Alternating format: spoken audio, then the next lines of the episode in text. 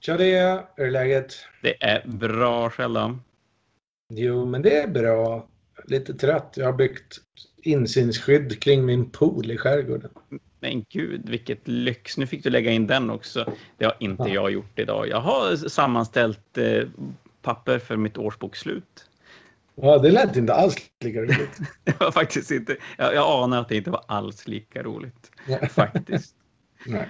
Men du, nu har ju vi, nu är det dags för en till sån här competitive eh, omgång och nu har vi ju snackat igenom ganska mycket kodexar och två rätt intressanta böcker är på väg. Och då känns det som kanske inte lönt att plocka upp någon ännu äldre. Nej, vi kommer väl ha massa spännande saker att prata om här framåt tror jag.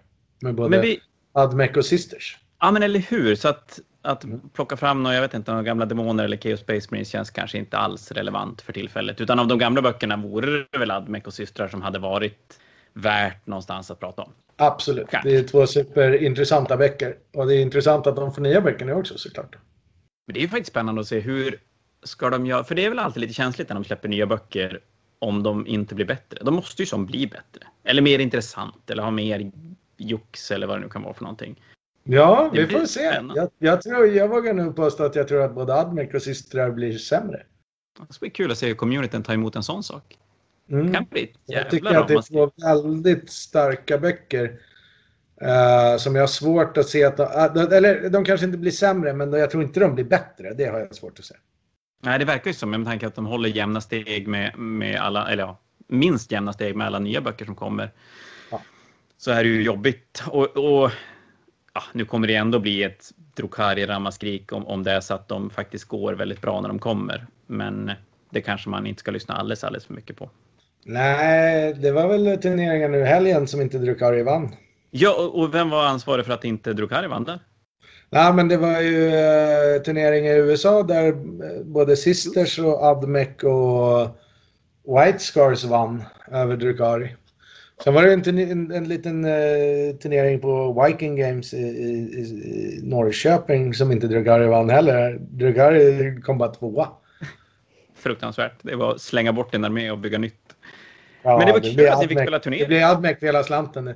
Ja, det, ja, det var för det var det som vann. Det var Rickard Nilsson som vann, vad vi sa det så?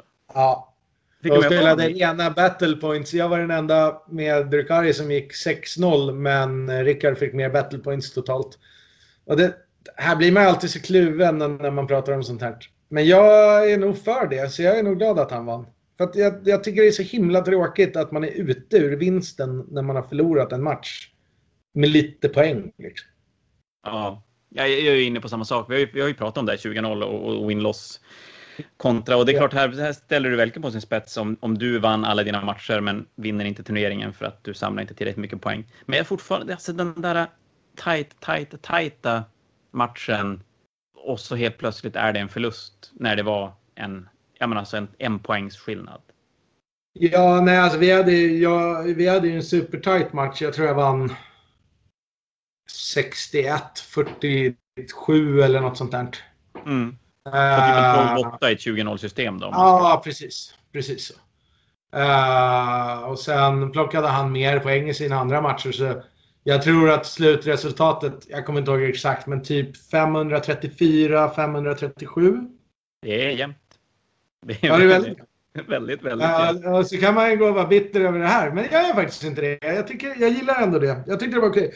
Det jag kan tycka inte var, är, är bra med det systemet de körde var att de körde ingen differential överhuvudtaget. Utan man fick det, de poäng man spelade in. Vilket innebär att en 99-98 är lika mycket värd som en 99-0. Eh, vilket såklart är två helt olika typer av matcher. Ja, men det kan jag väl känna då att, att det finns en poäng med att ta isär de poäng man får och stoppa in dem i något annat system. För att som du säger, att den, det, det är ju skillnad på vinst och vinst. Ja.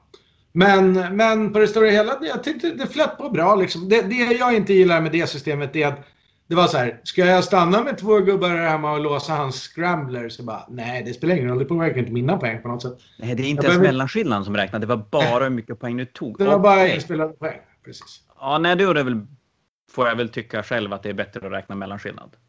Ja. På något sätt. I alla fall ha med det i. Men, men, men det var jätteroligt och eh, supertrevligt. Och det var väldigt kul att spela kompetitivt igen. Och Mm. Kul av uh, Viking Games, Viking ITC, eh, att arrangera något uh, och köra sitt eget race. Så det var jävligt kul. Super, jag är ja, superglad. Verkligen. Att, och just att som turneringsarrangör själv så uppskattar jag ju otroligt mycket turneringar som vågar testa, göra annat.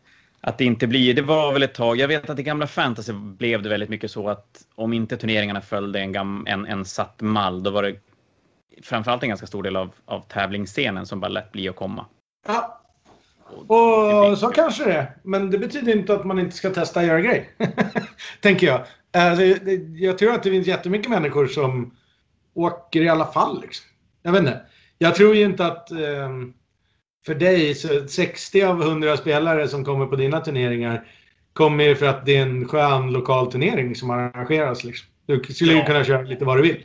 Det, så är det ju. Man skulle kunna hitta på vad man vill och det är ju trots att man har gjort en sak som som känns bra så finns det ju alltid någon som inte tycker det är som ja. de vill att det ska vara och kanske inte kommer och så är det någon annan som inte kommer om man ändrar på det. Så att nej, det har ja. du rätt i att köra sin grej sen kanske vara lite uppmärksam och lyssna och ta, ta feedback och, och förändra beroende på vad folk tycker kan man ju göra ändå. Absolut. Det möjligen jag kan tycka där det är väl att det är oftast vi, alltså turneringsrävar och, och ska man säga, rankingspelare som låter mest. Liksom. Så här kan jag inte göra och bla bla bla. Måste, kan inte, målning kan inte vara mer värt än en 20-0 vinst. Är du galen? Och så vidare. Har jag aldrig hört. Uh, aldrig, aldrig hört. Aldrig hört. jag tycker väl att man, man kan ha lite olika turneringar. Det finns nog utrymme av olika turneringar i Sverige. Man skulle kunna ha så här, men, eh, på, på våren kör vi superseriösa tävlingsturneringar liksom. Och på mm. hösten så kör vi mysigare målningsturneringar. Ja, alltså, jag överdriver såklart för att man kan bara göra en poäng om man överdriver. Men du förstår vad jag menar. Ja, och du har, nog, du har en poäng i det. Att mm. det, det behöver inte bli... För det kände jag väl kanske ett tag innan coronan slog till. Att det gick mer och mer till att turneringar plockade upp ITC-formatet bara ja. rakt av. Ja och det blir väldigt viktigt att få de här ITC-rankingpoängen och, och var man inte en ITC-turnering då var det knappt värt att räknas. Nej. Vi får väl se hur turneringsscenen kommer ur coronan. Jag tror folk bara kommer vara sjukt glada för att åka iväg och spela lite nördgubbespel. Faktiskt, jag tror att man kan spela typ vad som helst och folk kommer och spela och gnälla och tycka att det är jävligt roligt ändå. Faktiskt. Men du, vi, när vi inte kan prata Korixar och turneringar kan vi prata, men en 13-mannaturnering den, den tar ju slut efter ett tag. Det är inte så mycket att säga. Det var jätteroligt. Det var några spelare som kanske var ganska topp top, eh, topprankade och eh, topplacerings eh, högoddsare, eller lågoddsare. Uh, och så var det en massa andra sköna människor uh, som kanske mer var där för att det var kul att spela. Uh, och det blev väl ungefär men jag känner en, en, en av dem som var med och spelade, en gammal Umeåbo nämligen. Ganska säker på i alla fall. Ja. Om, om, om inte det finns två som heter likadant. Det var han, men, det var eh, han som spelade Necrons och gjorde att jag inte fick guld. Och, och jag blev alldeles varm inombords kände jag. Ja. jag visste det. Det krävs en Umeåbo för att det ska funka. Uh, nej, men det är klart skillnaden där mellan, mellan du och Rickard då framförallt är ju, det kan ju vara ganska stort.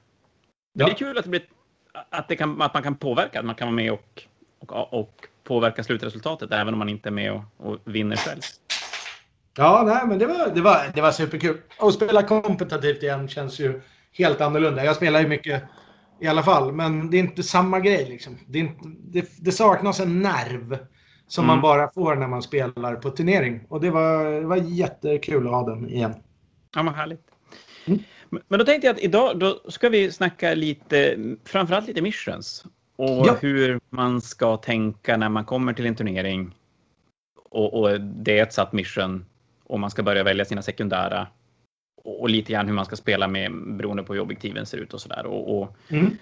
ja, det är väl ungefär så långt jag har tänkt. Ja, men det kan vi väl absolut göra. Man, man kan väl börja med att säga att det finns ju bara två missions. Mm. Take and hold och domination. Och då är det hålla en, två fler eller två, tre fler? Precis. Det är de enda egentliga primary objectives som finns. Sen så finns det ju olika deployment zones och olika mängd knappar. Ja. Och det är mellan fyra och sex knappar, visst är det så? Eller det fem och sex? Fyra och sex. Fyra och sex knappar. Det man skulle kunna säga som kan vara viktigt att lägga till som en add-on till mission-typer som finns. Det är att det finns, jag har för mig att det finns två men jag hittar bara en. Men jag tror att det finns två. Två missions, men låt oss säga att det finns missions utan att säga om det är en, två eller tre. Men jag tror, jag tror att det är två, men jag hittar en. Mm. Eh, där man, eh, om man håller en objective marker i slutet av sin command phase så äger man den även om man går ifrån den. Ja, men precis. Jag tror att det är... Åh gud, så professionellt det kändes. Men jag tror att det är en som är så. Vital Intelligence är så. Ja. Jag fick för mig att det fanns en till, men jag kan inte hitta en till. Så det, det är kanske bara det. Och så finns det ju den där du kan bränna objektiven också. Ja, bränna det, är- det är objektiv. ett secondary objective som heter Race. Ja, just det. Du får bara tillgång till den. Haha! Hittar du en till? Ja. Sweep and clear. Snyggt. Det finns två. Det kan vara bra att komma ihåg. Det blir väldigt annorlunda när man spelar de missionsarna. Ja. Framförallt kan jag tycka när de har ändrat att, hur, hur det är att gå tvåa. Ja, och framförallt så är det ju så att om man tänker att man ska spela ett sånt mission ungefär i snitt på varje turnering man åker på. Så kan det ju faktiskt vara ganska bra att bygga in saker som kan börja på knappar i deployment phase. För Mm. då när du kommer till din första command phase så äger du de knapparna. Och så kan du gå därifrån. Typ backa. Visst blir det väldigt bra med något här pre-game moment då så att man kan komma ut på knapparna tidigt? Precis. Precis. Till exempel Admec-hästar, Admec-styx som får prego. Mm. Ehm, jag använder mina mandrakes för de två missionsarna. De är superbra på det. 10 mandrakes kan stå på alla fyra knappar i mittzonen. Om jag börjar så äger jag dem så kan jag return them to the shadows eller vad deras grej heter. Så har jag alla knappar utan att offra någonting. Ja, just det. Det blir ju väl, väldigt, väldigt effektivt. Ja. Det, nu, nu kommer jag ju såklart inte ha alla knappar resten av matchen. Det förstår jag också. För motståndaren måste ju springa fram och ta knapparna. Men eh, det kan man ju också bygga runt. Om man till exempel vill att motståndaren ska springa fram i mitten. eh, så eh, är det ett bra spel. En bra strategi. Jag säger inte att man ska bygga upp hela sitt liv runt det här. Men det finns ju nerdlings. Det finns Space Marine, eh, vad heter de då? Eh, Infiltrators. Ja. Eh, det finns Mandrake. Det finns saker som får göra det här. Eller man kan gå upp med hästar. Pre-game och sen ta knapparna och sen gå tillbaka och gömma sig. Det kommer man inte göra med hästar för de ska ju fram och stå i vägen. Men som ett exempel. Mm. Eh, det kan vara bra att bygga in lite sådana element. Det är två av eh, nio missions. Så det är ju en på fyra och en halv. Så jag menar rent statistiskt kommer du spela ett sådant uppdrag varje turnering. Känslan är väl att om man som turneringsarrangör sitter och väljer mission så kommer man att välja en. Ja, precis. Så- För den, den ger ju ändå... Den, den, gör, den ger någonting väldigt annorlunda. Och jag tror att arméer måste agera väldigt annorlunda kring hur man spelar just det scenariot. Och det är något som är bra att tänka på när man spelar också. För det är väldigt ofta, nu har jag bara varit på sex turneringar i nionde. Men på alla de turneringarna så är det just en sån här... ah, just det, det är så det funkar ja. Exakt så. Ja, när, när man bara, ja ah, men då tar jag eh, fem objektiv här och så har jag den här eh, Data Intercept eh, sekundära så tar jag fem poäng på den också. Så bara, ah just det, det är så det funkar. Ja, ah, just det, klurigt. så, så egentligen berör du en grej som alla borde göra innan en turnering som väldigt få gör. Och det är ju faktiskt att läsa igenom alla missions som ska spelas på turneringen. Ja, alltså, eller man tänk, om man tänker så här då. Ehm, så här tänker jag.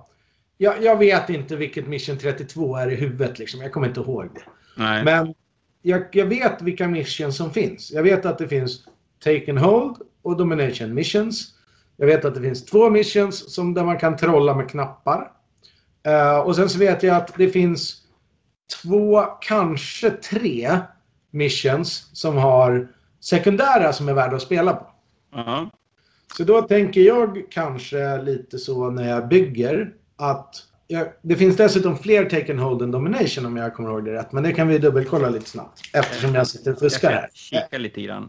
Kan jag göra. En, två, en på tre, en, två, en på tre. Uh, så var tredje mission är domination. Ah. Och två tredjedelar är hold.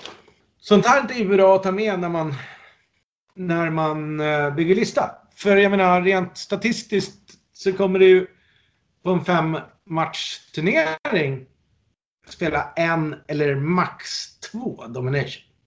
Ja, just det. Så tre, till och med ibland kanske fyra take and hold scenarion. Ja, precis. precis. Och, och, då blir det klart mycket viktigare att kunna hålla en och två istället för två och tre. Ja, precis. Man kan ju till och med spela på att jag är sjukt dålig på domination. I alla fall om man inte åker på en win loss turnering. Mm. Och oftast är det ju så att om man är ganska dålig på det. Ta till exempel Knights. De tycker ja, de är dåliga på det. Jättedåligt. Då kan man ju antingen tänka så här. Ja, men min lista är skitbra på massa andra saker. Ska jag ta bort en cool stor knight och stoppa in Admec Rangers bara för att kunna spela det här missionet liksom? Eller ska jag chansa på att det är en på fem och hoppas att jag får en vettig lottning i den matchen?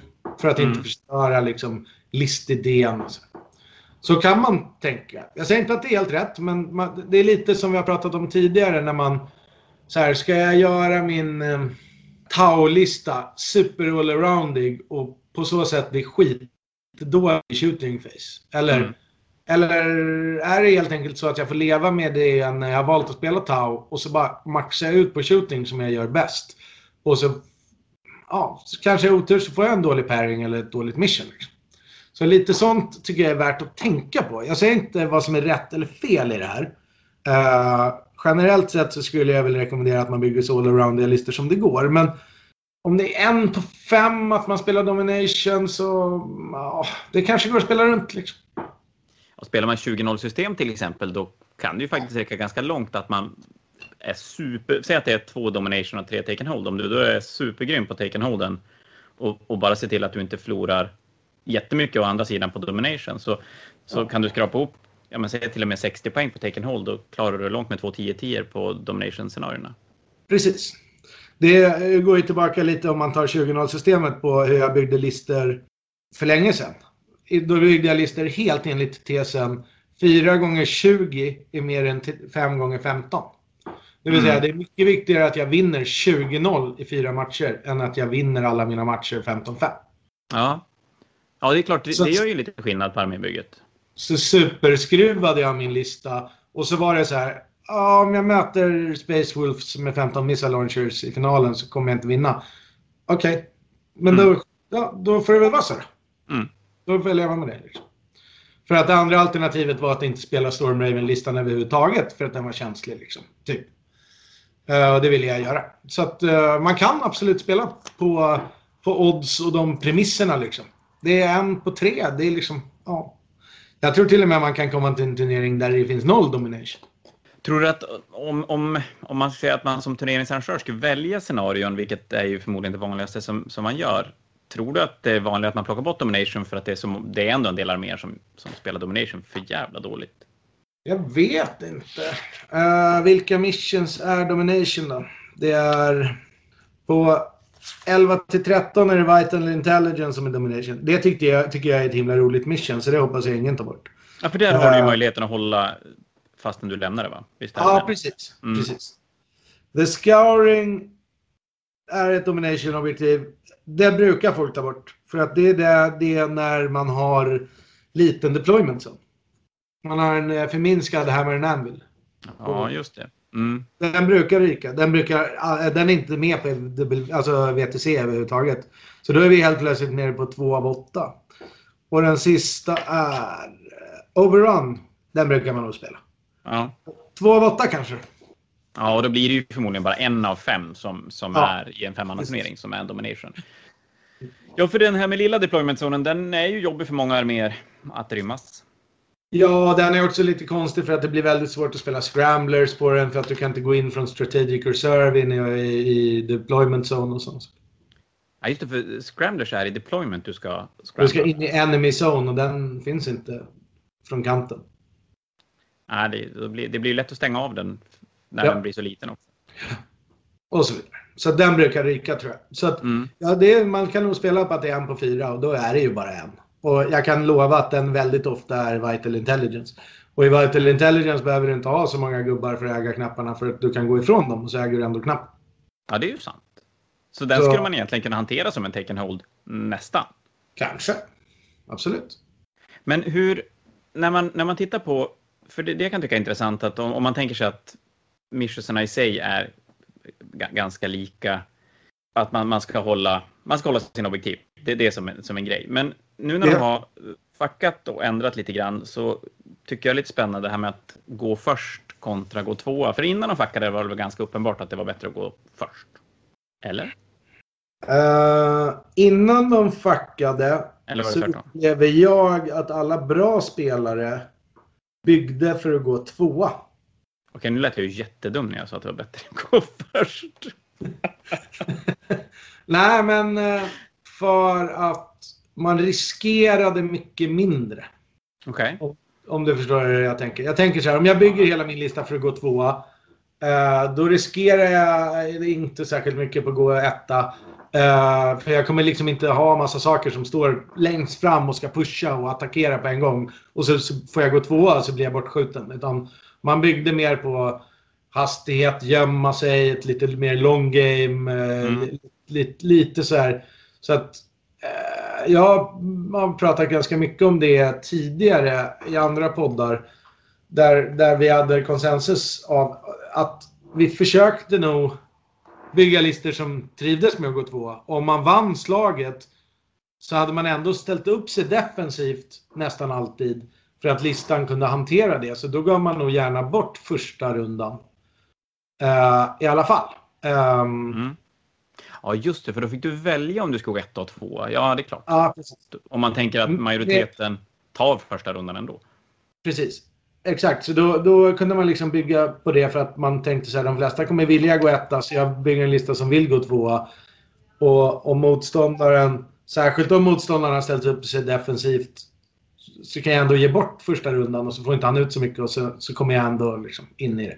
Mm. Med vissa undantag då såklart. Om, om motståndaren hade ställt fram halva sin Ravengard-armé framför en eh, så kanske man ville gå ett i alla fall. Då. Men så tror jag att man tänkte förut. Det jag tycker är schysst nu med förändringen, det är att det finns liksom mindre otur. Alltså det, det finns mindre så här. Eh, man får liksom lite hjälp som nyare spelare. Man får liksom gå när man går. Man kan inte ta fel beslut i det liksom. Det är otroligt skönt att inte behöva bestämma. Ja, För att jag spelar ju... Ja, jag tycker om att tävla och det går väl ändå helt okej. Men jag känner fortfarande att det är jättemånga beslut jag tar som jag wingar lite grann och jag känner att många gånger väljer jag fel. Och det här med att gå först eller gå tvåa, det tycker jag alltid blir... Ja, men det, jag går alltid först om jag har möjligheten för att det känns som att det Mm. borde vara bäst. Ja, nej men så det, jag tycker det är schysst. Och sen så finns det en liten bonus i att gå tvåa nu. För att balansera ut den teoretiska fördelen av att gå etta då. Jag tycker inte att den bonusen är så värdefull för jag har, jag har ju än så länge aldrig spelat en match där jag har fått några bonuspoäng av att gå tvåa. Eh, för att spelet är lite för snabbt nu. Mm. Man vet väldigt ofta i turn 3 vem som har vunnit. Ja. Så 40K har ju gått från ett teoretiskt sju-rundespel till ett, tycker jag, ganska ofta ett tre-rundespel. Så det går ju fort att spela kan man säga. Ja, just det. Förut, om vi backar, är vi tillbaka till sjunde editionen då, när det var random game length som man skulle rulla Ja, från runda fem och framåt. Ja, Jag kanske inte saknar det jättemycket egentligen. Men Jag, jag kanske inte saknar random game length heller sådär. Det är, inte, det är inte det jag säger, men det är ju ett annat spel nu. Um, Och förut var det ju viktigt, för förut var det ju bara en game scoring och nu finns det ingen end game scoring. Och det är väl därför det är så enkelt att räkna ut rent matematiskt vem som har vunnit i runda tre. Det är så här, jag har 45 på primary. Du kan bara få 30. Jag har maxat mina sekundära. Du kan inte vinna över mig. Så klart. då, då tycker jag det kan prata när vi pratar om inlåst turneringar då. Att det är väldigt lätt att veta när man inte behöver spela mer. Ja, precis. Nu, nu måste man ju ändå spela in sina tiebreaker-poäng och sådär. Men Ja, i och för sig. ofta brukar man kunna räkna ut det också. Man bara, ja du tar det här, du gör det här, ja jag gör det här. Okej, eh, du, du gör det här, du kommer lyckas scrambla här. Okej, ja men du får 57, jag får 100. Så, Mm. klart. Eh, jag saknar lite det här i sekundär, eller endgame-scoringen som gör att det finns en nerv. Någon kan spela smart och defensivt och sen där jumpa ut på alla knappar och ändå vinna trots att motståndaren verkligen leder liksom spelmässigt. Mm. Ja, men du har pratat om det här tidigare, om att du, du är sugen på att få in någon typ av endgame scoring i, i Ja. systemen. Och jag, är väl lite, jag skulle bli förvånad om det inte kommer att komma in, för jag tänker mig att missionserna kommer förändras från varje Grand Tournament en gång per år. Ja, det ska ju bli jättespännande. Hoppas att de kommer med något annat. Ehm, de behöver inte vara så mycket mer kreativa i liksom hur man får deploya. Det är inte så jävla viktigt liksom. Nej. Nu, nu kan vi deploya i olika quarter-delar liksom oavsett om det är quarter eller sned quarter eller ännu snedare quarter liksom. Eh, eller i Hammer and Anvil eh, i olika format av Hammer and Anvil eller i Dawn of War. Liksom. Ehm, Men är det, är det, som du sa, du, du snuddar vid det, men är det relevant med olika deployments eller är det egentligen bara snyggt på, i boken när, man, när man, kartorna ser lite olika ut? Nej, men det är väl jätterelevant skulle jag säga. Jag skulle säga att det jag hör mest gnäll om det är den traditionella Dawn of War. Alltså när man står mitt emot långsida, mitt mot varandra. Mm. För att det finns ingen djup. Man kan inte riktigt gömma modeller. Det är ju fortfarande 24 tum mellan deployment zones. Men i Hammer and Anvil så får du ett djup. Som är mycket djupare. Så om du möter en Alpha Strike-armé som är snabb så har han mycket längre till dina modeller som står längst bak i din deployment zone. Än om man jämför med en eh, War. Ja, just det. Så att jag, skulle, jag skulle säga att det är jätte, jätterelevant. Och det, Mm. det jag hör folk gnälla mest på idag är eh, War. Det tycker folk är den absolut sämsta deployment. Förutom eh, den här eh, knasiga Hammer and Anvil som inte är hel. Ja, just det. Men den, den kan vi kanske bara lämna. Vi, bara, vi lämnar den bara. Vi lämnar den. Den får inte vara Ja. med. Nej, den, den, den, den är dissad. Jag har inga problem med den, men eh, egentligen. Men eh, jag förstår vad folk gnäller om och eh, det är onödigt att man ska få ännu mindre yta att ställa upp sin armé på. Liksom. Det, det kräver ännu mer av terrängen, kan man väl väl säga. Ja, och, och det, för det kan det ju lätt bli när man ställer ut terrängen att man, man vill ju gärna kanske ha två stycken någorlunda täckande terrängbitar i sin, i sin deployment zone. Och det blir, Ja. Det blir väldigt svårt när man tar bort lite grann av, av sidorna på deployment zonen. Ja, man tappar ju ganska mycket. Alltså. Är det inte 8 tum på varje sida tror jag? 14? Jo, 8 tum på varje sida. Så man tappar 16 tum deployment zone mot en vanlig Hammer and Anvil. Ja, det är väldigt, väldigt mycket. Det är 28 emellan istället för 24. Så man tappar ju även 2 tum på djupet på sin deployment zone. Det blir svårt för många arméer att rymmas. Då måste man nästan börja, börja strategreserva grejer för att det ska funka. Ja, precis. Men hur mycket, om man, om man ska åka och spela turnering och så sen kommer scenarierna ut så man vet vilka scenarier man ska spela. Hur mycket påverkar vilken olika, alltså deployment-typer och sådär, påverkar, ska det påverka listbygge också eller är det, är det mer än, än hur man väljer att spela när man väl är på plats? Ja, det är en svår fråga. Nej, men det är väl relevant, tycker jag.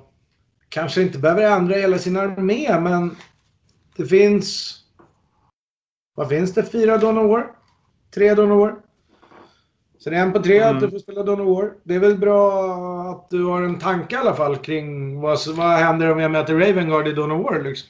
Så, så, kanske mer då vad som står på andra sidan i olika Ja, typer av precis. deployment.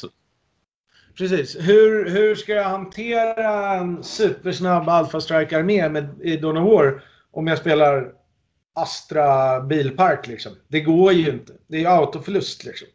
Så då måste man ju ha en tanke kring det och det återgår ju lite till eh, mi- mission, eller eh, listbygget såklart. Det är så Ja. här.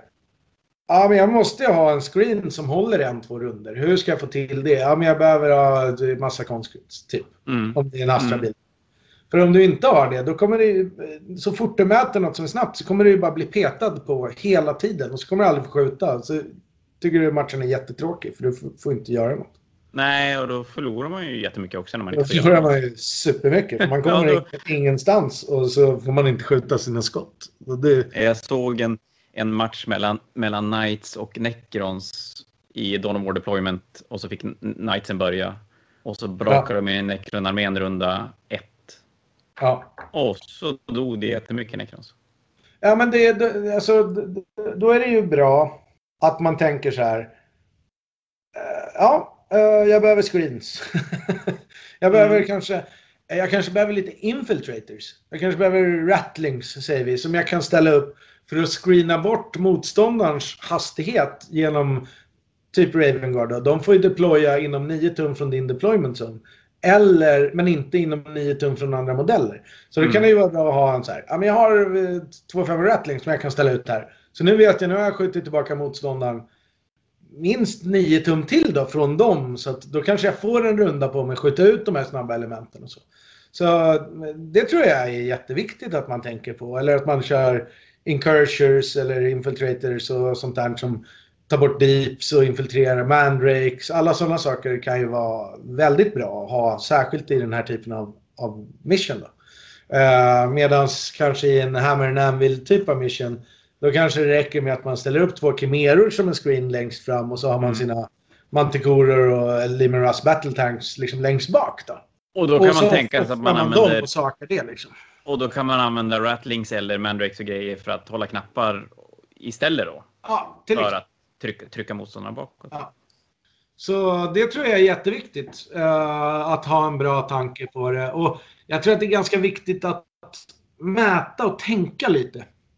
Mm. För eh, typ ett bra exempel är att jag spelade Orker på ett C för förra året. Eh, och så var, var det så här att jag ville gärna möta Tau på alla bord som inte var Hammer and Anvil. Nej, på, som alla bord som inte var War. För då... ehm, eller Point i Dawn of War fanns det då.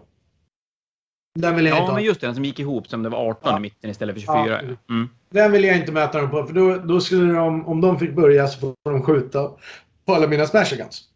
Men eh, i alla andra så gick det bra. För då skulle de inte, om jag ställde mig smart så skulle de inte nå mig någonstans. Och så skulle jag, oavsett om de gick ett eller två, alltid få en hel, minst en hel rundas skytte eh, innan, innan de skulle nå mig.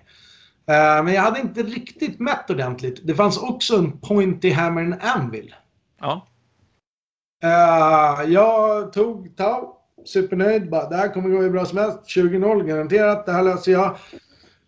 Och sen så började jag deploya så bara... "Ah, Det är ju för nära. De kommer ju få skjuta på mina saker. Det hade jag liksom inte mätt och tänkt Nej. riktigt så här. Hur långt, om de går och montkar och hur långt når de i det här liksom. Eh, och det tror jag är bra att man tänker så här. Ett annat bra exempel är till exempel, har mantikorer. Ja, men det verkar ju superbra att ha rerolla ettor på mantikorerna. Så jag tar en eh, eh, Master of Ordnance. Mm. Då får man ju rerolla ettor om man skjuter mantikoran på mer än 36 tum. Mm. Hur ofta på de mindre borden kommer du få skjuta mantikoran mer än 36 tum? Det är Oj, nej, det är nästan aldrig liksom. Nej. Alltså det märkte jag efter två matcher. Bara, han rycker, jag kommer aldrig få använda hans reroll. Liksom. Det Nej. kommer inte hända. Eh, och, och lite, att man liksom har det tänket så här. Okej, i Hammer and Anvil, då är han kanske bra. Men i alla andra deployments är han typ inte så bra. Och så här, hur mycket djupare är deploymenten i quarters eller i, i snedquarters mot uh, Dawn of War och så här. Alltså så man får en känsla för det. Så jag tror man kan ta fram måttbandet och provställa upp gubbarna lite hemma liksom och få en känsla så här. Går det att screena av det här med två tioor gubbar? Nej, det går inte. Jag behöver fler gubbar. Eller ja, det Mm. går bra. Okej, då kör vi på det. Du nämner ju någonting där när du säger att, att testa hemma och mäta lite grann. För det är klart, när du kommer till en turnering, då har du tre och en halv timme på sig att Ja. bestämma sida, bestämma sekundära, ställa upp Ja. sin armé och, och spela fem runder. Ja. Och så får du räkna på att du har en motståndare som då kanske inte har gjort hemläxan heller och ska Nej. tänka massa. Och då är det ju jävligt bra om, om du i alla fall på din sida är, är snabb och tar de besluten och kunna lägga mer tid på att när det är viktiga beslut som kan tas så har du möjligt, har du gett dig själv tid att tänka lite extra. Ja. Det där, jag sa det när vi pratade om sekundära, det här gäller deployment också skulle jag säga. När motståndaren inte vet vilka sekundära han ska ta. Och när motståndaren inte vet hur han ska deploya mot min armé. Utan han väntar på varenda grej jag gör som att Mm. det är en så här helt unik sak som händer som inte han har tänkt på. Då vet jag att jag har vunnit. Ja. Jag brukar i princip säga så här, deploya som du vill. Eh, Du har, du har 12 dropp, jag har 14 dropp. Jag vill veta vad de här två, de här två kommer jag ställa ut sist. För de är viktiga vart de står i förhållande Mm. till din armé. Jag kommer deploya ut resten, ställ dina grejer vad du vill. Här är det här, här är det här, här är det här. Du kan väl deploya liksom saktare än mig om du vill se grejer. Men jag, jag har redan med battleplan när jag är så här, ah, jag möter sisters i Dawn of War. Okej, jag måste göra det här och det här. Jag måste akta mig för de här grejerna. Eh, jag deployar de här så här och de här så här. Mm. Och så vet jag redan. Och så, det finns liksom nästan inget de kan göra. Och sen så finns det så här. Ja, men jag mina två Void Bombers. De är ganska viktiga var de står. I förhållande till var dina Meltor står eller något sånt där. För de kan inte gömma. Så de, Mm. de har jag sist liksom. Så, det, samma gäller ju med sekundära som vi pratade om tidigare. Jag vet två, jag vet oftast alla tre. När man Mm. kommer till bordet. Så bara, jag tar eh, Engage, jag tar Banners och sen så... Ja men det var Vital Intelligence och du har inte massa Nurglings och du har inte massa hästar så då tar jag Data Intercept. Så klart. Mm. Vad ska du ha? Och om inte motståndaren har ett ganska bra svar där utan de börjar så här. "Åh, Ska jag ta Banners och Scramblers? Så bara, "Ja, det får du inte göra, de är på samma. Ja, just det, just det. Jag ska ta Banners och Assassinate. Hur många karaktärer har du? Så, ja, tre. Mm, och här någonstans. Där är det så här. Ah, Okej, det är lugnt. Välj vad du vill. Jag, vi, jag vet. du kan få ta Jag när det är lugnt. Men då säger du att, att det är generellt sett bättre att ha en ganska god idé på hur du vill deploya din armé och inte bara reagera på vad motståndaren ställer ut och, och på något sätt hela tiden möta upp det den ställer ut. Det är väl såklart bra att titta vad din motståndare gör. Men eh, om du är påläst om... Påläst, jag gillar inte det uttrycket. Men om, om du förstår vad din motståndares armé kommer göra. Så vet ju du så här. Okej, hans 15 meltor, multimeltor verkar bra att undvika. Eh, vad kommer han vilja skjuta dem på? Han kommer vilja skjuta dem på mina raiders. Jag gömmer mina raiders bakom de här obscuring-grejerna för de måste leva för annars kan inte jag vinna matchen. Nej. Det är mitt win condition, liksom, att de lever. Hur kan jag lösa det? Oavsett vad han ställer sig. Ja, men här kan jag lösa det. Här kan jag Mm. lösa det. Så man har en tanke. Jag säger inte att man måste stressa ut sin armé. Liksom. Det, det är inte det. Men det är dumt att komma till bordet och bli liksom förvånad. Så bara, oh! Ah, systrar! Oh, du har 15 mältor och tre enheter repensior. Eller uh, retributors och repensior. Bara, oh, det visste jag, det förstod jag inte. Vad gör de? Det, det kommer inte bli så bra. Liksom. Bygget då, då, då är det bra både att ha koll på vilka sekundära man, man ska ta eller bör ta, men också ganska bra att ha koll på vilka enheter i sin egen armé som är som nyckelenheter som, som måste göra sin grej för att det ska bli bra. Ja. Så kan man ju, de som inte är nyckelenheter, de kan man ju baita med istället. Så motståndaren går ut och skjuter på dem. Mm. Eh, för att han tycker att det verkar bra att döda något. Och sen visar han då sina multimeltare retributors eller ja, vad det nu kan vara för något. Ja, så. Där skulle man kunna tänka sig att man spelar med enheter som kanske inte är uppenbart sådana bait-enheter, men som får agera en sån roll lite till och från. Jag ställer, ställer väldigt ofta fram mina mandrakes vårdslöst långt fram. Mm. Så att motståndaren kan nå med en first turn charge. För att jag kan bara skicka iväg två flamerbåtar långt. Och de andra flamerbåtarna vill ju arbeta med någonting lite närmare. Och då är det ju jättebra om det står typ Blade Guard Veterans i mitten av bordet så mina andra flamerbåtar kan elda upp dem. Liksom. Ja, just det, för då kan med två snabba båtar flyga på andra sidan. Ja, precis. Utbytet blir så här, ja det blev eh, fem mandrakes mot fem Blade Guard Veterans liksom. Det känns som en bra trade på något sätt. Ja, definitivt. Ja, det, det, ja. Så, är det ju. Vad, eh, se, vad tänkte jag här? Nu tänkte jag någonting smart och så glömde jag bort det. Så nu kan du få fylla igen mina blanks här för att jag är senil gubbe. Men om man ska gå tillbaka till missions. Vi har väl Mm. berört deployment zones lite grann. Eh, det man kan göra lite snabbt, och det här är något jag hoppas Games Workshop fixar faktiskt. Det är att prata om sekundära i missions. Mm. De Ja, flesta precis. är skräp. Ja, det är så. Det, det, men är det inte lite genomgående med sekundära och, och GVs sätt att skriva regler just för tillfället att de har träffat rätt på några stycken väldigt, väldigt bra, men majoriteten av det de skriver är skräp? Ja, alltså om vi går igenom dem, det är ju bara nio stycken. Minimize mm. losses. Man får poäng för x procent som lever. Uh, och då får man 15 poäng om 75 procent av ens armé lever. Den kan man ju välja om man tror att man ska wipa sin motståndare ganska enkelt. Men annars verkar den ju dum. Att... Och då känns det som att, tänker man att man ska wipa motståndaren på den nivån att man ska ha 75 procent kvar själv. Då ja. kan man ju ta nästan vilket jävla... Då kan, man, då kan du göra vad du vill. Då kan du ta ett Slay the Warlord. ja. Det kommer ändå vara jättemycket poäng. Så det spelar liksom ingen roll på något sätt. Alltså den är bara, det är bara att glömma den. Det... Alltså, jag har all, på 133 matcher har jag aldrig ens övervägt att eh, använda den. Uh, det verkar dumt. Liksom. Vi säger helt enkelt glöm den. Ja, alltså 50 procent får du 10 poäng på. Det är väl i och för sig schysst, men jag upplever att 40K idag, det är liksom tre gubbar kvar i ena hörnet som, och så vinner man matchen. Det handlar ju väldigt mycket mer om att skeppa fram saker och ta bort fiendens primary och man ska saka liksom. Mm. Uh, det handlar ju mycket mer om det än om att man liksom ska stå och gömma sig och skjuta indirekt eld hela matchen. Det, det, glöm minimize losses tror jag. Det kan jag tycka är ganska jobbigt. Jag tycker det är ganska jobbigt med, med när man spelar sådana arméer som ja, men, tyrannider, orker och grejer där, där man där folk oftast då kanske tar thin the ranks till exempel. Att helt plötsligt kan, känns det dumt att offra grejer för att, att göra saker för man ger bort poäng hela tiden det dör. Men det var en annan sak. Nej, men så, så kan det ju vara i teorin. Men uh, man kan ju vända på det så säger man så här. Hur ger du bort dem då? Om du ger bort tre poäng på 30 orker. Mm.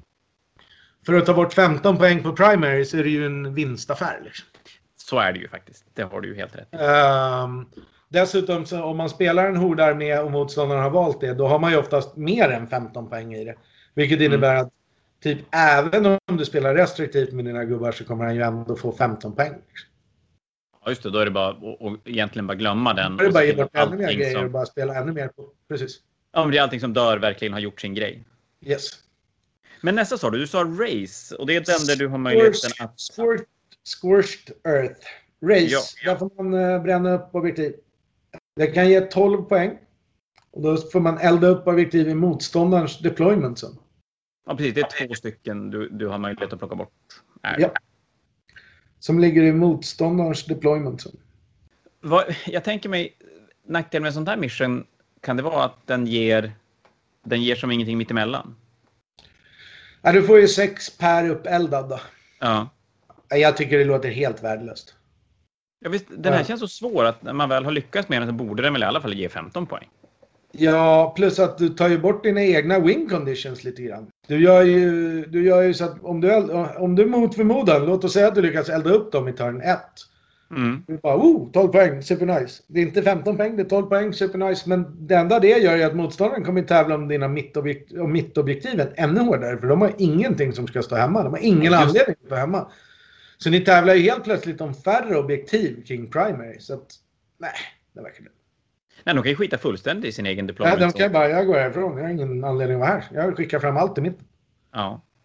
Och så blir det svårare att hålla fler än motståndaren. Ja. För det, det finns, finns färre knappar så det kommer det ju bli troligen. Mm. Jag tycker den verkar dålig. Jättedålig. Ja. Aldrig sett någon spelare. Aldrig ens övervägt att spela den själv. Vi, vi säger att välj inte den. Vital Intelligence har en sekundär som heter Data Intercept. Den brukar jag spela. Den tycker jag är ganska bra. Den är rolig också. Mm. Den är, eh, man gör en action och i sin nästa command phase så um, får man ett poäng per knapp man håller. Det är sex knappar i Vital Intelligence. Man måste hålla två för att få fem poäng, tre för att få tio poäng och more för att hålla 15. Och är det då så att... Man vill ju oftast det... hålla två eller tre knappar i det här. Ja. Liksom. Så då får man ju två eller tre poäng för Data Intercept. Så den tycker jag är bra. Alltså, det, det, folk brukar säga är så här, ja men man kan ju bara döda de som gör actionen data intercept. Så bara, äh, ja, men de står ju typ längst bak i min deployment. Så. Ja, dör de då, är det, då har du andra problem. Ja, precis. Och visst är det så med den här då att du får tillgodoräkna dig de, de objektiv du har hållit och lämnat även ja, för det sekundära? alla du äger. Ja, det måste vara väldigt nice att spela den här... För då kan, kan, man spela, man kan spela banners också tillsammans ja. med den här. Det brukar jag ofta göra. Och, och då har du tre, då har du både main, banners och data intercept och alla vill, vill hålla objektiv. Så, så du gör samma grej med alltihop. Ja, och det måste göra spelet mycket enklare. Ja. Det är väl generellt sett något som är bra att tänka på både innan man bygger listor men och väljer secondaries och så här. Vad är jag bra på? Vad har jag byggt listan för? Ja, men jag spelar två Castellan och två eh, Wardens. Ja, ta inte håll ta inte liksom håll fler knappar. Det kommer du inte göra särskilt ofta. Liksom. Du har fyra gubbar. Mm. Men du kan ju levla upp på döda saker och döda andra saker. Liksom. De, så man kan ju se till att man liksom stackar upp objekt, sekundära objektiv. Eh, och då är ju jag som gillar att spela banners, jag gillar att hålla knappar, då är Data Intercept väldigt bra. För den, ja. den spelar ju liksom in i det spelet som jag vill göra liksom, ändå. Mm. Mm. Ja, nej, men det, det låter ju otroligt sunt att vara extra bra på någonting, helt enkelt. Ja. Så den tycker jag är ganska kul. Uh, sen finns det en som heter uh, Surround and Destroy. Den har ett sekundärt mission som heter Surround them. Score four victory points at the end of your command phase. Uh, and at the end of the battle if you control both objective markers in your deployment zone and one more objective marker in your opponent's deployment zone. 8 victory points if you control all four objective markers. Och så är det sex knappar och så ligger två ganska djupt in i motståndarens deployment zone. Åtta tum från kanten. Mm. Om du tror att du kommer vinna jättestort så ta den. Uh, om du inte tror att du kommer vinna jättestort, ta inte den. För den är bara win more. Ja, just det. Det är en sån snöbolls, snöbollsobjektiv. Ja jag menar absolut, om du tror så här, jag, jag kommer ha wipat motståndaren i turn 4 så då kan jag ta hans knappar i två turns och ta 16 poäng. Bara jättebra.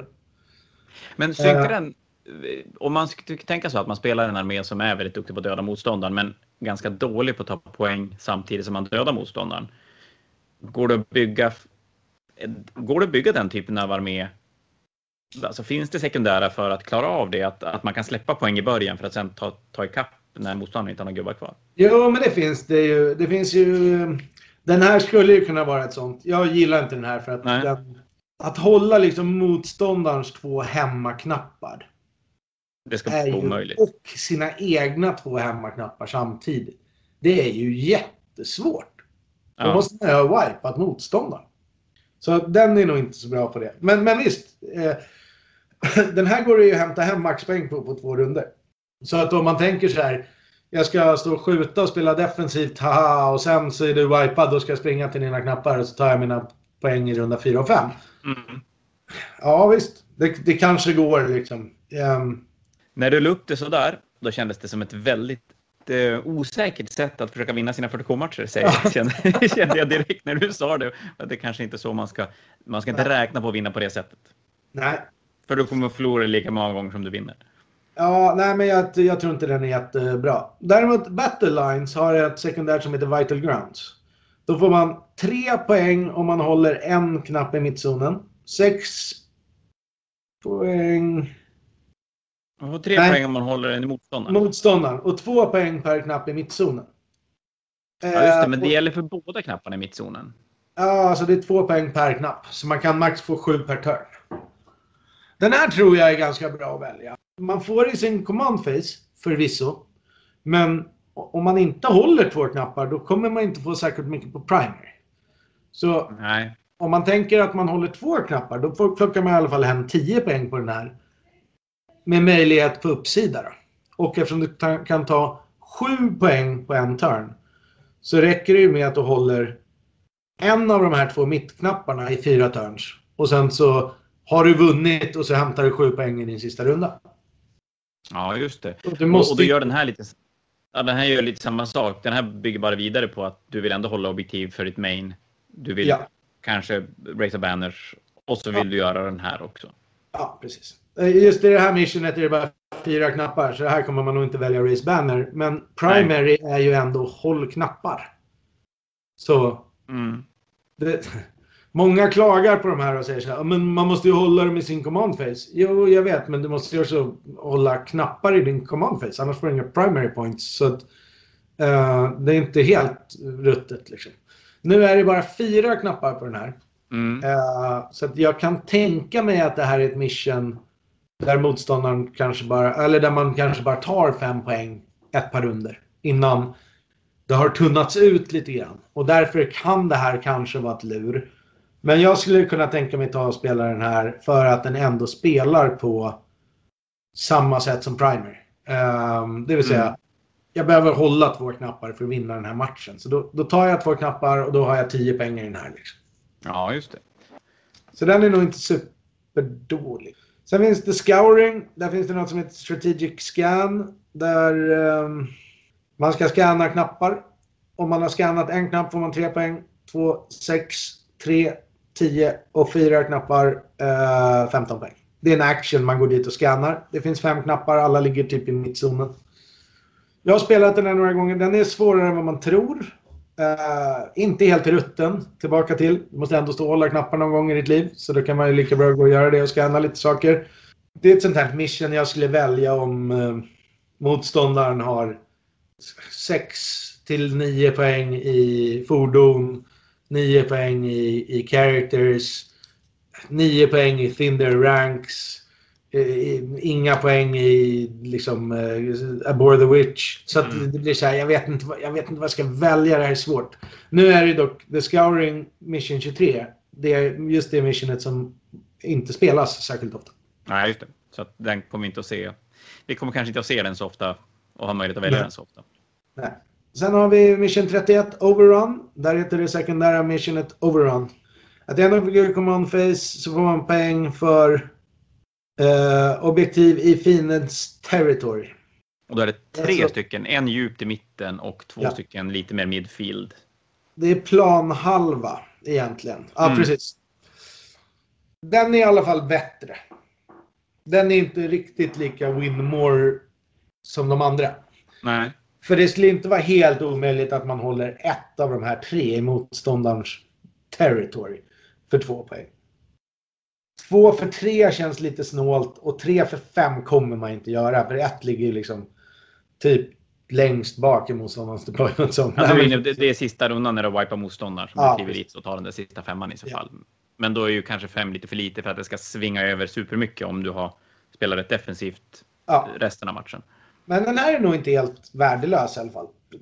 Problemet är ju att det är end of your command phase Mm. såklart. Men tillbaka till, man måste ju hålla de här knapparna till end of your command phase i alla fall för att kunna vinna matcher. Så att, eh, den, den här tycker jag känns helt okej. Just med tanke på hur knapparna är deployade och att det är eh, Dawn War deployment. Eh, hade det här varit en Hammer and Anvil deployment så hade jag tyckt att det var skräp.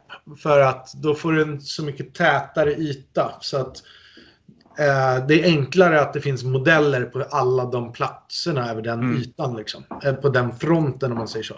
I en Dawn of War så kan jag lätt se att någon väljer att spela lite mer eh, refused flank. Så att de ställer upp liksom sin armé på halva brädet bara.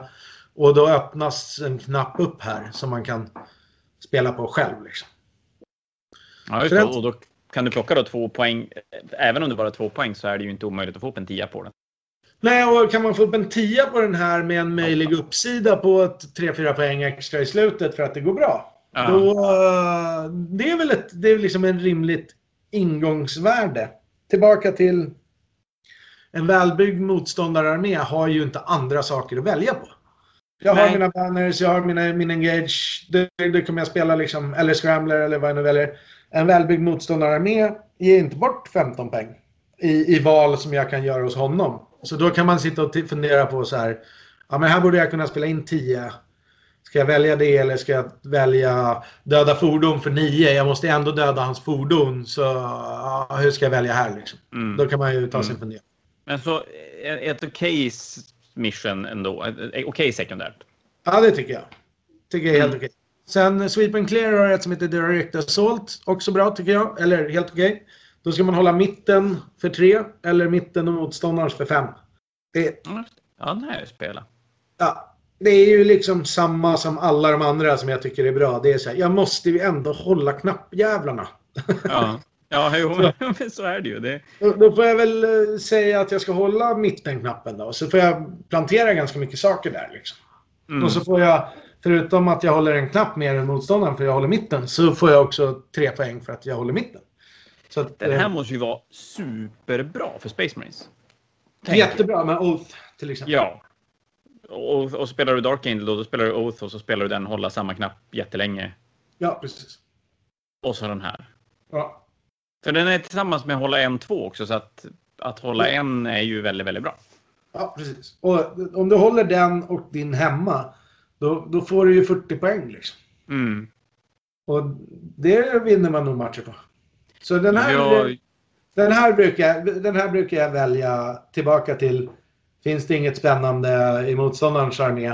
Alltså, eh, om man går tillbaka till så här, hur ska man tänka kring secondaries så är det ju så här. Väldigt mycket av spelet går ju faktiskt ut på dödar i motståndare. Ja, det kommer de nog aldrig ifrån. Hur de än bygger och skriver scenarion så ska man ju döda motståndarna. Yes. Och om valet är, eh, ska jag stå på mittenknappen eller ska jag döda sju fordon som jag ändå måste döda för att kunna vinna den här matchen. Då är det enklare att döda sju fordon. För du måste ju ändå döda dem. Du kommer ju ändå göra det liksom. Det är det du måste göra först och främst. Det är ja, destination.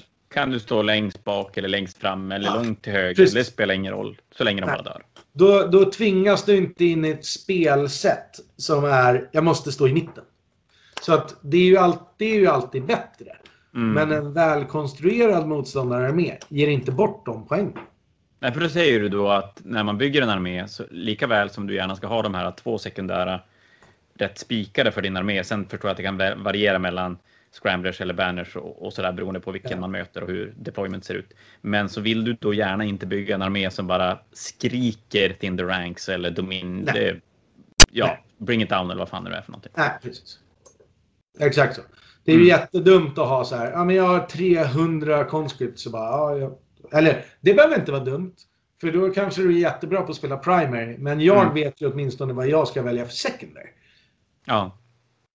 Ja, det tycker jag är ett bök när man möter, framförallt tycker jag när man möter Space Marines. Så känns ja, det väldigt de ger inte bort några secondary Nej, det, det, finns ingenting uppenbart att ta. Man får vara nöjd om ett sekundärt kan ge ja, men nio poäng mot dem. Då får man vara skitnöjd. Ja. Och det tycker jag man ska ha med sig i sitt armébygge generellt sett. Det vill mm. säga om man spelar NIDS, ha inte mer än 8-10 poäng i, i monster. Nej. Ha inte mer än 10 poäng i Tinder Ranks. 11. Alltså sådär. Du behöver inte liksom, tänk, tänk innan du bara säger ja men nu, nu, nu har jag poäng kvar. Så jag måste stoppa in 30 gånt till. Så jag bara, måste du det? Hur många har du från början? Vad kommer de göra? Är det bättre att ha multiwound-modeller som eh, mm. Swarms, Ripper Swarms och sånt. De ger ju bara bort ett poäng liksom. Eller de, noll, de ger ju bara bort motsvarande ett wound. Det vill säga du måste döda 10 Ripper Swarms eller 10 Gaunts för ett poäng. Ja, det är klart. Det är 30 wounds eller, eller 10 wounds. Så det är ju, det är ju skillnad. Precis. Definitivt. Men man kan ju alltid... Jag, jag säger liksom inte... Det här är ju inte en slavisk mall för hur man ska göra. Det får ju folk... Eh, Nej, liksom, men det får man ju lista ut själv, för ibland är det ju så här, jag måste ha 60 Orkboys till, för annars har jag inte tillräckligt mycket massa i listan för att kunna göra det jag ska göra. Okej, okay, vad ska jag göra? Jo, men mitt mål är med mina Orkboys att de ska ta jumpa upp, stå på knappar, sätta konstiga charges, screena, stå i vägen. Okej. Okay. Ja, men då låter det ju som du behöver 60 boys till mm. för att göra det. Men då är ju målet med de 60 boysen, de ska ju kanske ta bort 10-15 poäng på primary mission för motståndaren. Då är det okej att de släpper 6 poäng bakåt. Ja. Eller det kan, det kan vara det. Men, mm. men, om det är så här. Jag vet inte, det känns bara nice att ha 60 boys till. Så här, som, jag vet inte, vi har ingen plan. Nej, men kan, det är dumt. Ta nobs eller ta något annat. Liksom. Gör något annat med dem så det blir bort mindre. Men jag tycker det är ganska ofta man bygger listor, eller jag vet inte, man ska inte säga, men det är ganska ofta jag bygger listor där, där jag landar i någonstans att jag har en 300 poäng kvar och jag vet inte riktigt vad och så som du säger, att då kanske det är värt att tänka efter lite grann. Att inte slänga in den till exokrin eller vad det nu är. Bara för att om det då gör att man slår över och ger bort helt plötsligt 15 poäng på, på Bring It Down. Eller vad det nu kan vara. Nej, precis. Nej, men jag, jag tror man ska försöka ligga runt 10. Liksom. Mm. Då, då, blir det aldrig lätt för motståndaren. Då blir det inte bara så här. Jag tar den. Så här, auto. Utan, eh, man ska ligga och klura där någonstans runt 9, 10, 11 poäng liksom. Så blir det lite så här, ah, ska jag välja, ska jag välja döda grejer eller ska jag ta den här prior eller um, overrun liksom. Så bara Mm. 9 eller 10. Overrun har en uppsida, jag kan få 15 poäng. Så kanske man väljer den istället och då kanske man blir mindre fokuserad på att döda din armé, vilket också faktiskt kan gynna dig på grund av Ja. att du har byggt ett smart armébygge. Liksom. Hur mycket, vi har säkert pratat om det här tidigare, men, men någonstans hur mycket ska ett sekundärt kunna ge för att det ska vara ett väldigt uppenbart val? Är det 15 eller är det så här att om du, förutom de här två som du har som byggt in i din, din lista, men det här tredje då, är det så att om den ger 12 då är det inte mycket att fundera på, då är det bara att köra eller? Nej, jag skulle inte säga att det finns ett sånt. Jag menar, folk spelar ju scramblers mest hela tiden och det är ju bara 10 Ja, det är poäng. sant, det är 10. Ehm, jag skulle säga att belöning kontra effort liksom. Mm. Jag menar, jag kan ju ha... Ponera att jag har fem karaktärer i en astralista. Eller säg att jag har sju karaktärer i en astralista. Eh, men alla de kan jag sätta i ett flygplan som kan flyga bordet och komma in i turn 5. Då verkar det ju dumt att ta assassinate. Liksom. Ja, den blir ju jättejobbig. Ja, det blir supersvårt. Så man, det, det är lite så här eh, reward. Det är som, Mm. jag funderade faktiskt på en match i helgen och ta, ta Warlord. Slay the Warlord. Ja. Jag har ju sagt att det är ett lur, det ska man aldrig göra. Ja, Men den här personen, han spelade bara Chaos Knights. Och eftersom hans Warlord var en Wardog, eller vad de heter. alltså, mellanstora. Ja, eller små, med så här närstrids... Ja, just det. Och de kom i en unit om tre. Så var han tvungen att reserva alla tre om han inte ville ha sin Warlord på bordet turn 1. och, och då blev det så här. Ja, då, då tog jag bort en tredjedel av hans Knights. eh, om han skulle välja det. Eh, då hade det kunnat vara värt. För sex Knights är mycket enklare att hantera än nio Knights. Liksom. Då så blir det lite pismiligt liksom. ja. Nu gjorde jag inte det eftersom det är ett lur. Men... eh, Du, du lyssnade på din inre röst efter ett tag och bara nej. ja, men det går ju att tänka så. Alltså, po- ponera att någon har Castellan som sin Warlord. Eh, har du tillräckligt mycket skytte för att döda en Castellan turn 1, då skulle man ju kunna ta Slay the Warlord bara för att han ska behöva fundera på hmm, ska jag ge bort 15 poäng eller ska jag reserva min Castellan? Reserven Castellan, det börjar kosta på på många sätt. Ja, precis. Både command points och, och i, i lite grann ja, antal modeller du har på brädet och, och skadeverkan första turerna försvinner ju ganska rejält. Lite så. Nu har vi bara ett sekundärt kvar. Det är Priority Target. Missionet heter Pri- Priority Targets. Den som inte tar den här måste sluta spela 40K och börja spela något annat spel. Det är det mest auto-include sekundära missionet i hela spelet. Man får alltså-. Tre poäng i slutet av sin runda. Om man håller knappen i sin deployment zone som man själv har fått flytta tillbaka 6 tum. Det blir väldigt enkelt, Ja. känner jag. Faktiskt. Man får fem poäng om man håller sin och motståndarens knapp. Så det finns en uppsida om man mot förmodan någon gång under matchen glömmer bort vad man håller på med och går bort från sin hemmaknapp. Men alltså då, då kan du rent, om du bara har ditt eget hemobjektiv i fem runder, då har du Vänta. 15 poäng. Och Ja. som du säger, skulle du, jag vet inte, Nej, men, säg att du har otur och att någon dör. Liksom. Jag vet inte, något händer. Då, så kan ändå ta ikapp två poäng på slutet Ja. eller sådär. Ja, den var ju väldigt Ja, tacksam. den är, det är ett väldigt eh, givmilt sekundärt. Men är det inte, jag vet inte, är det inte det GW har landat lite grann? Att det känns som att de inte har riktigt hittat en balans i hur mycket poäng ett sekundärt ger bort kontra effort för att klara av det. Jo, det är, så är det ju såklart eftersom det finns vissa som är väldigt givna och enkla och inte interagerande med motståndaren. Och sen Mm. finns det andra som är interagerande med motståndaren jättesvåra. Det känns som motståndaren måste typ tillåta en att få poäng. Eh, och så vidare. Så att absolut. Visst är det så. Jag hoppas de går mot mer interagerande sekundära. Ja, men det är ju roligare. Då, även alla de här hållobjektiven funkar ju då definitivt för att då kan ju motståndarna gå in och döda saker. Framförallt om man måste hålla i, i sin command har Ja, jag tycker motståndaren alla borde vara så. Ja, alla borde vara så att motståndaren bara, ja men du har priority target. eh, Jag skickar en suicide-enhet dit som dödar ditt priority target så jag tar bort tre poäng. Istället för ah, du stod på din knapp i slutet av din tur. Jag kunde inte göra någonting åt det och du fick tre poäng. Ja, grattis, kul för dig. Scramblers är ju lite så också. ja, Att du kliver in med en liktor i ena hörnet och så bara hopp. Ja, ja, det var ju. jag jag Nia inte göra. Scramblers en gång på turneringen. Jag fick min motståndare att, att scrambla med en, en 10, nej en 20 Rubrik Marines. Ja, Det kändes jättebra. Även om man fick ju scramblers i och för sig. Men, men det var ändå ganska skönt att se dem stå och plantera någonting i backen i en runda. Det måste jag säga. Nej, men du Daniel, nu tycker jag väl ändå vi har fått prata av oss lite grann på scenarion. ja men det tycker jag också. Och Ja, jag vet inte om de blev klokare, men... Ja, jag lärde mig massa saker och det är Ja. väl huvudsaken. Vi har väl kommit fram till att det enda vi gör med det här det är för att jag ska försöka vinna någon match lite då och då. ja, det är bra. Jag ska ju spela in mig i våran, våran så här liga Fanatic nu. Nu ska jag spela mot Salamandrar på torsdag om en plats i topp 8 som sen blir då ett kvartsfinal. Oj, Jag behöver en 11-9 för att ta den så att eh, ja, det, det det känns. klarar du. Ja, det känns doable. Han har nio eradicators och och det, det tycker mina Gene Steelers och Gaunts jättemycket om. ja, men det låter ju rimligt. Det blir bra. Nej men du, då säger vi väl bara tack för ikväll så, så hörs vi med Admec Bok om någon vecka. Det gör vi. Ha Ja, det bra. Jag ser fram emot nästa Admec. Ja, men det blir underbart.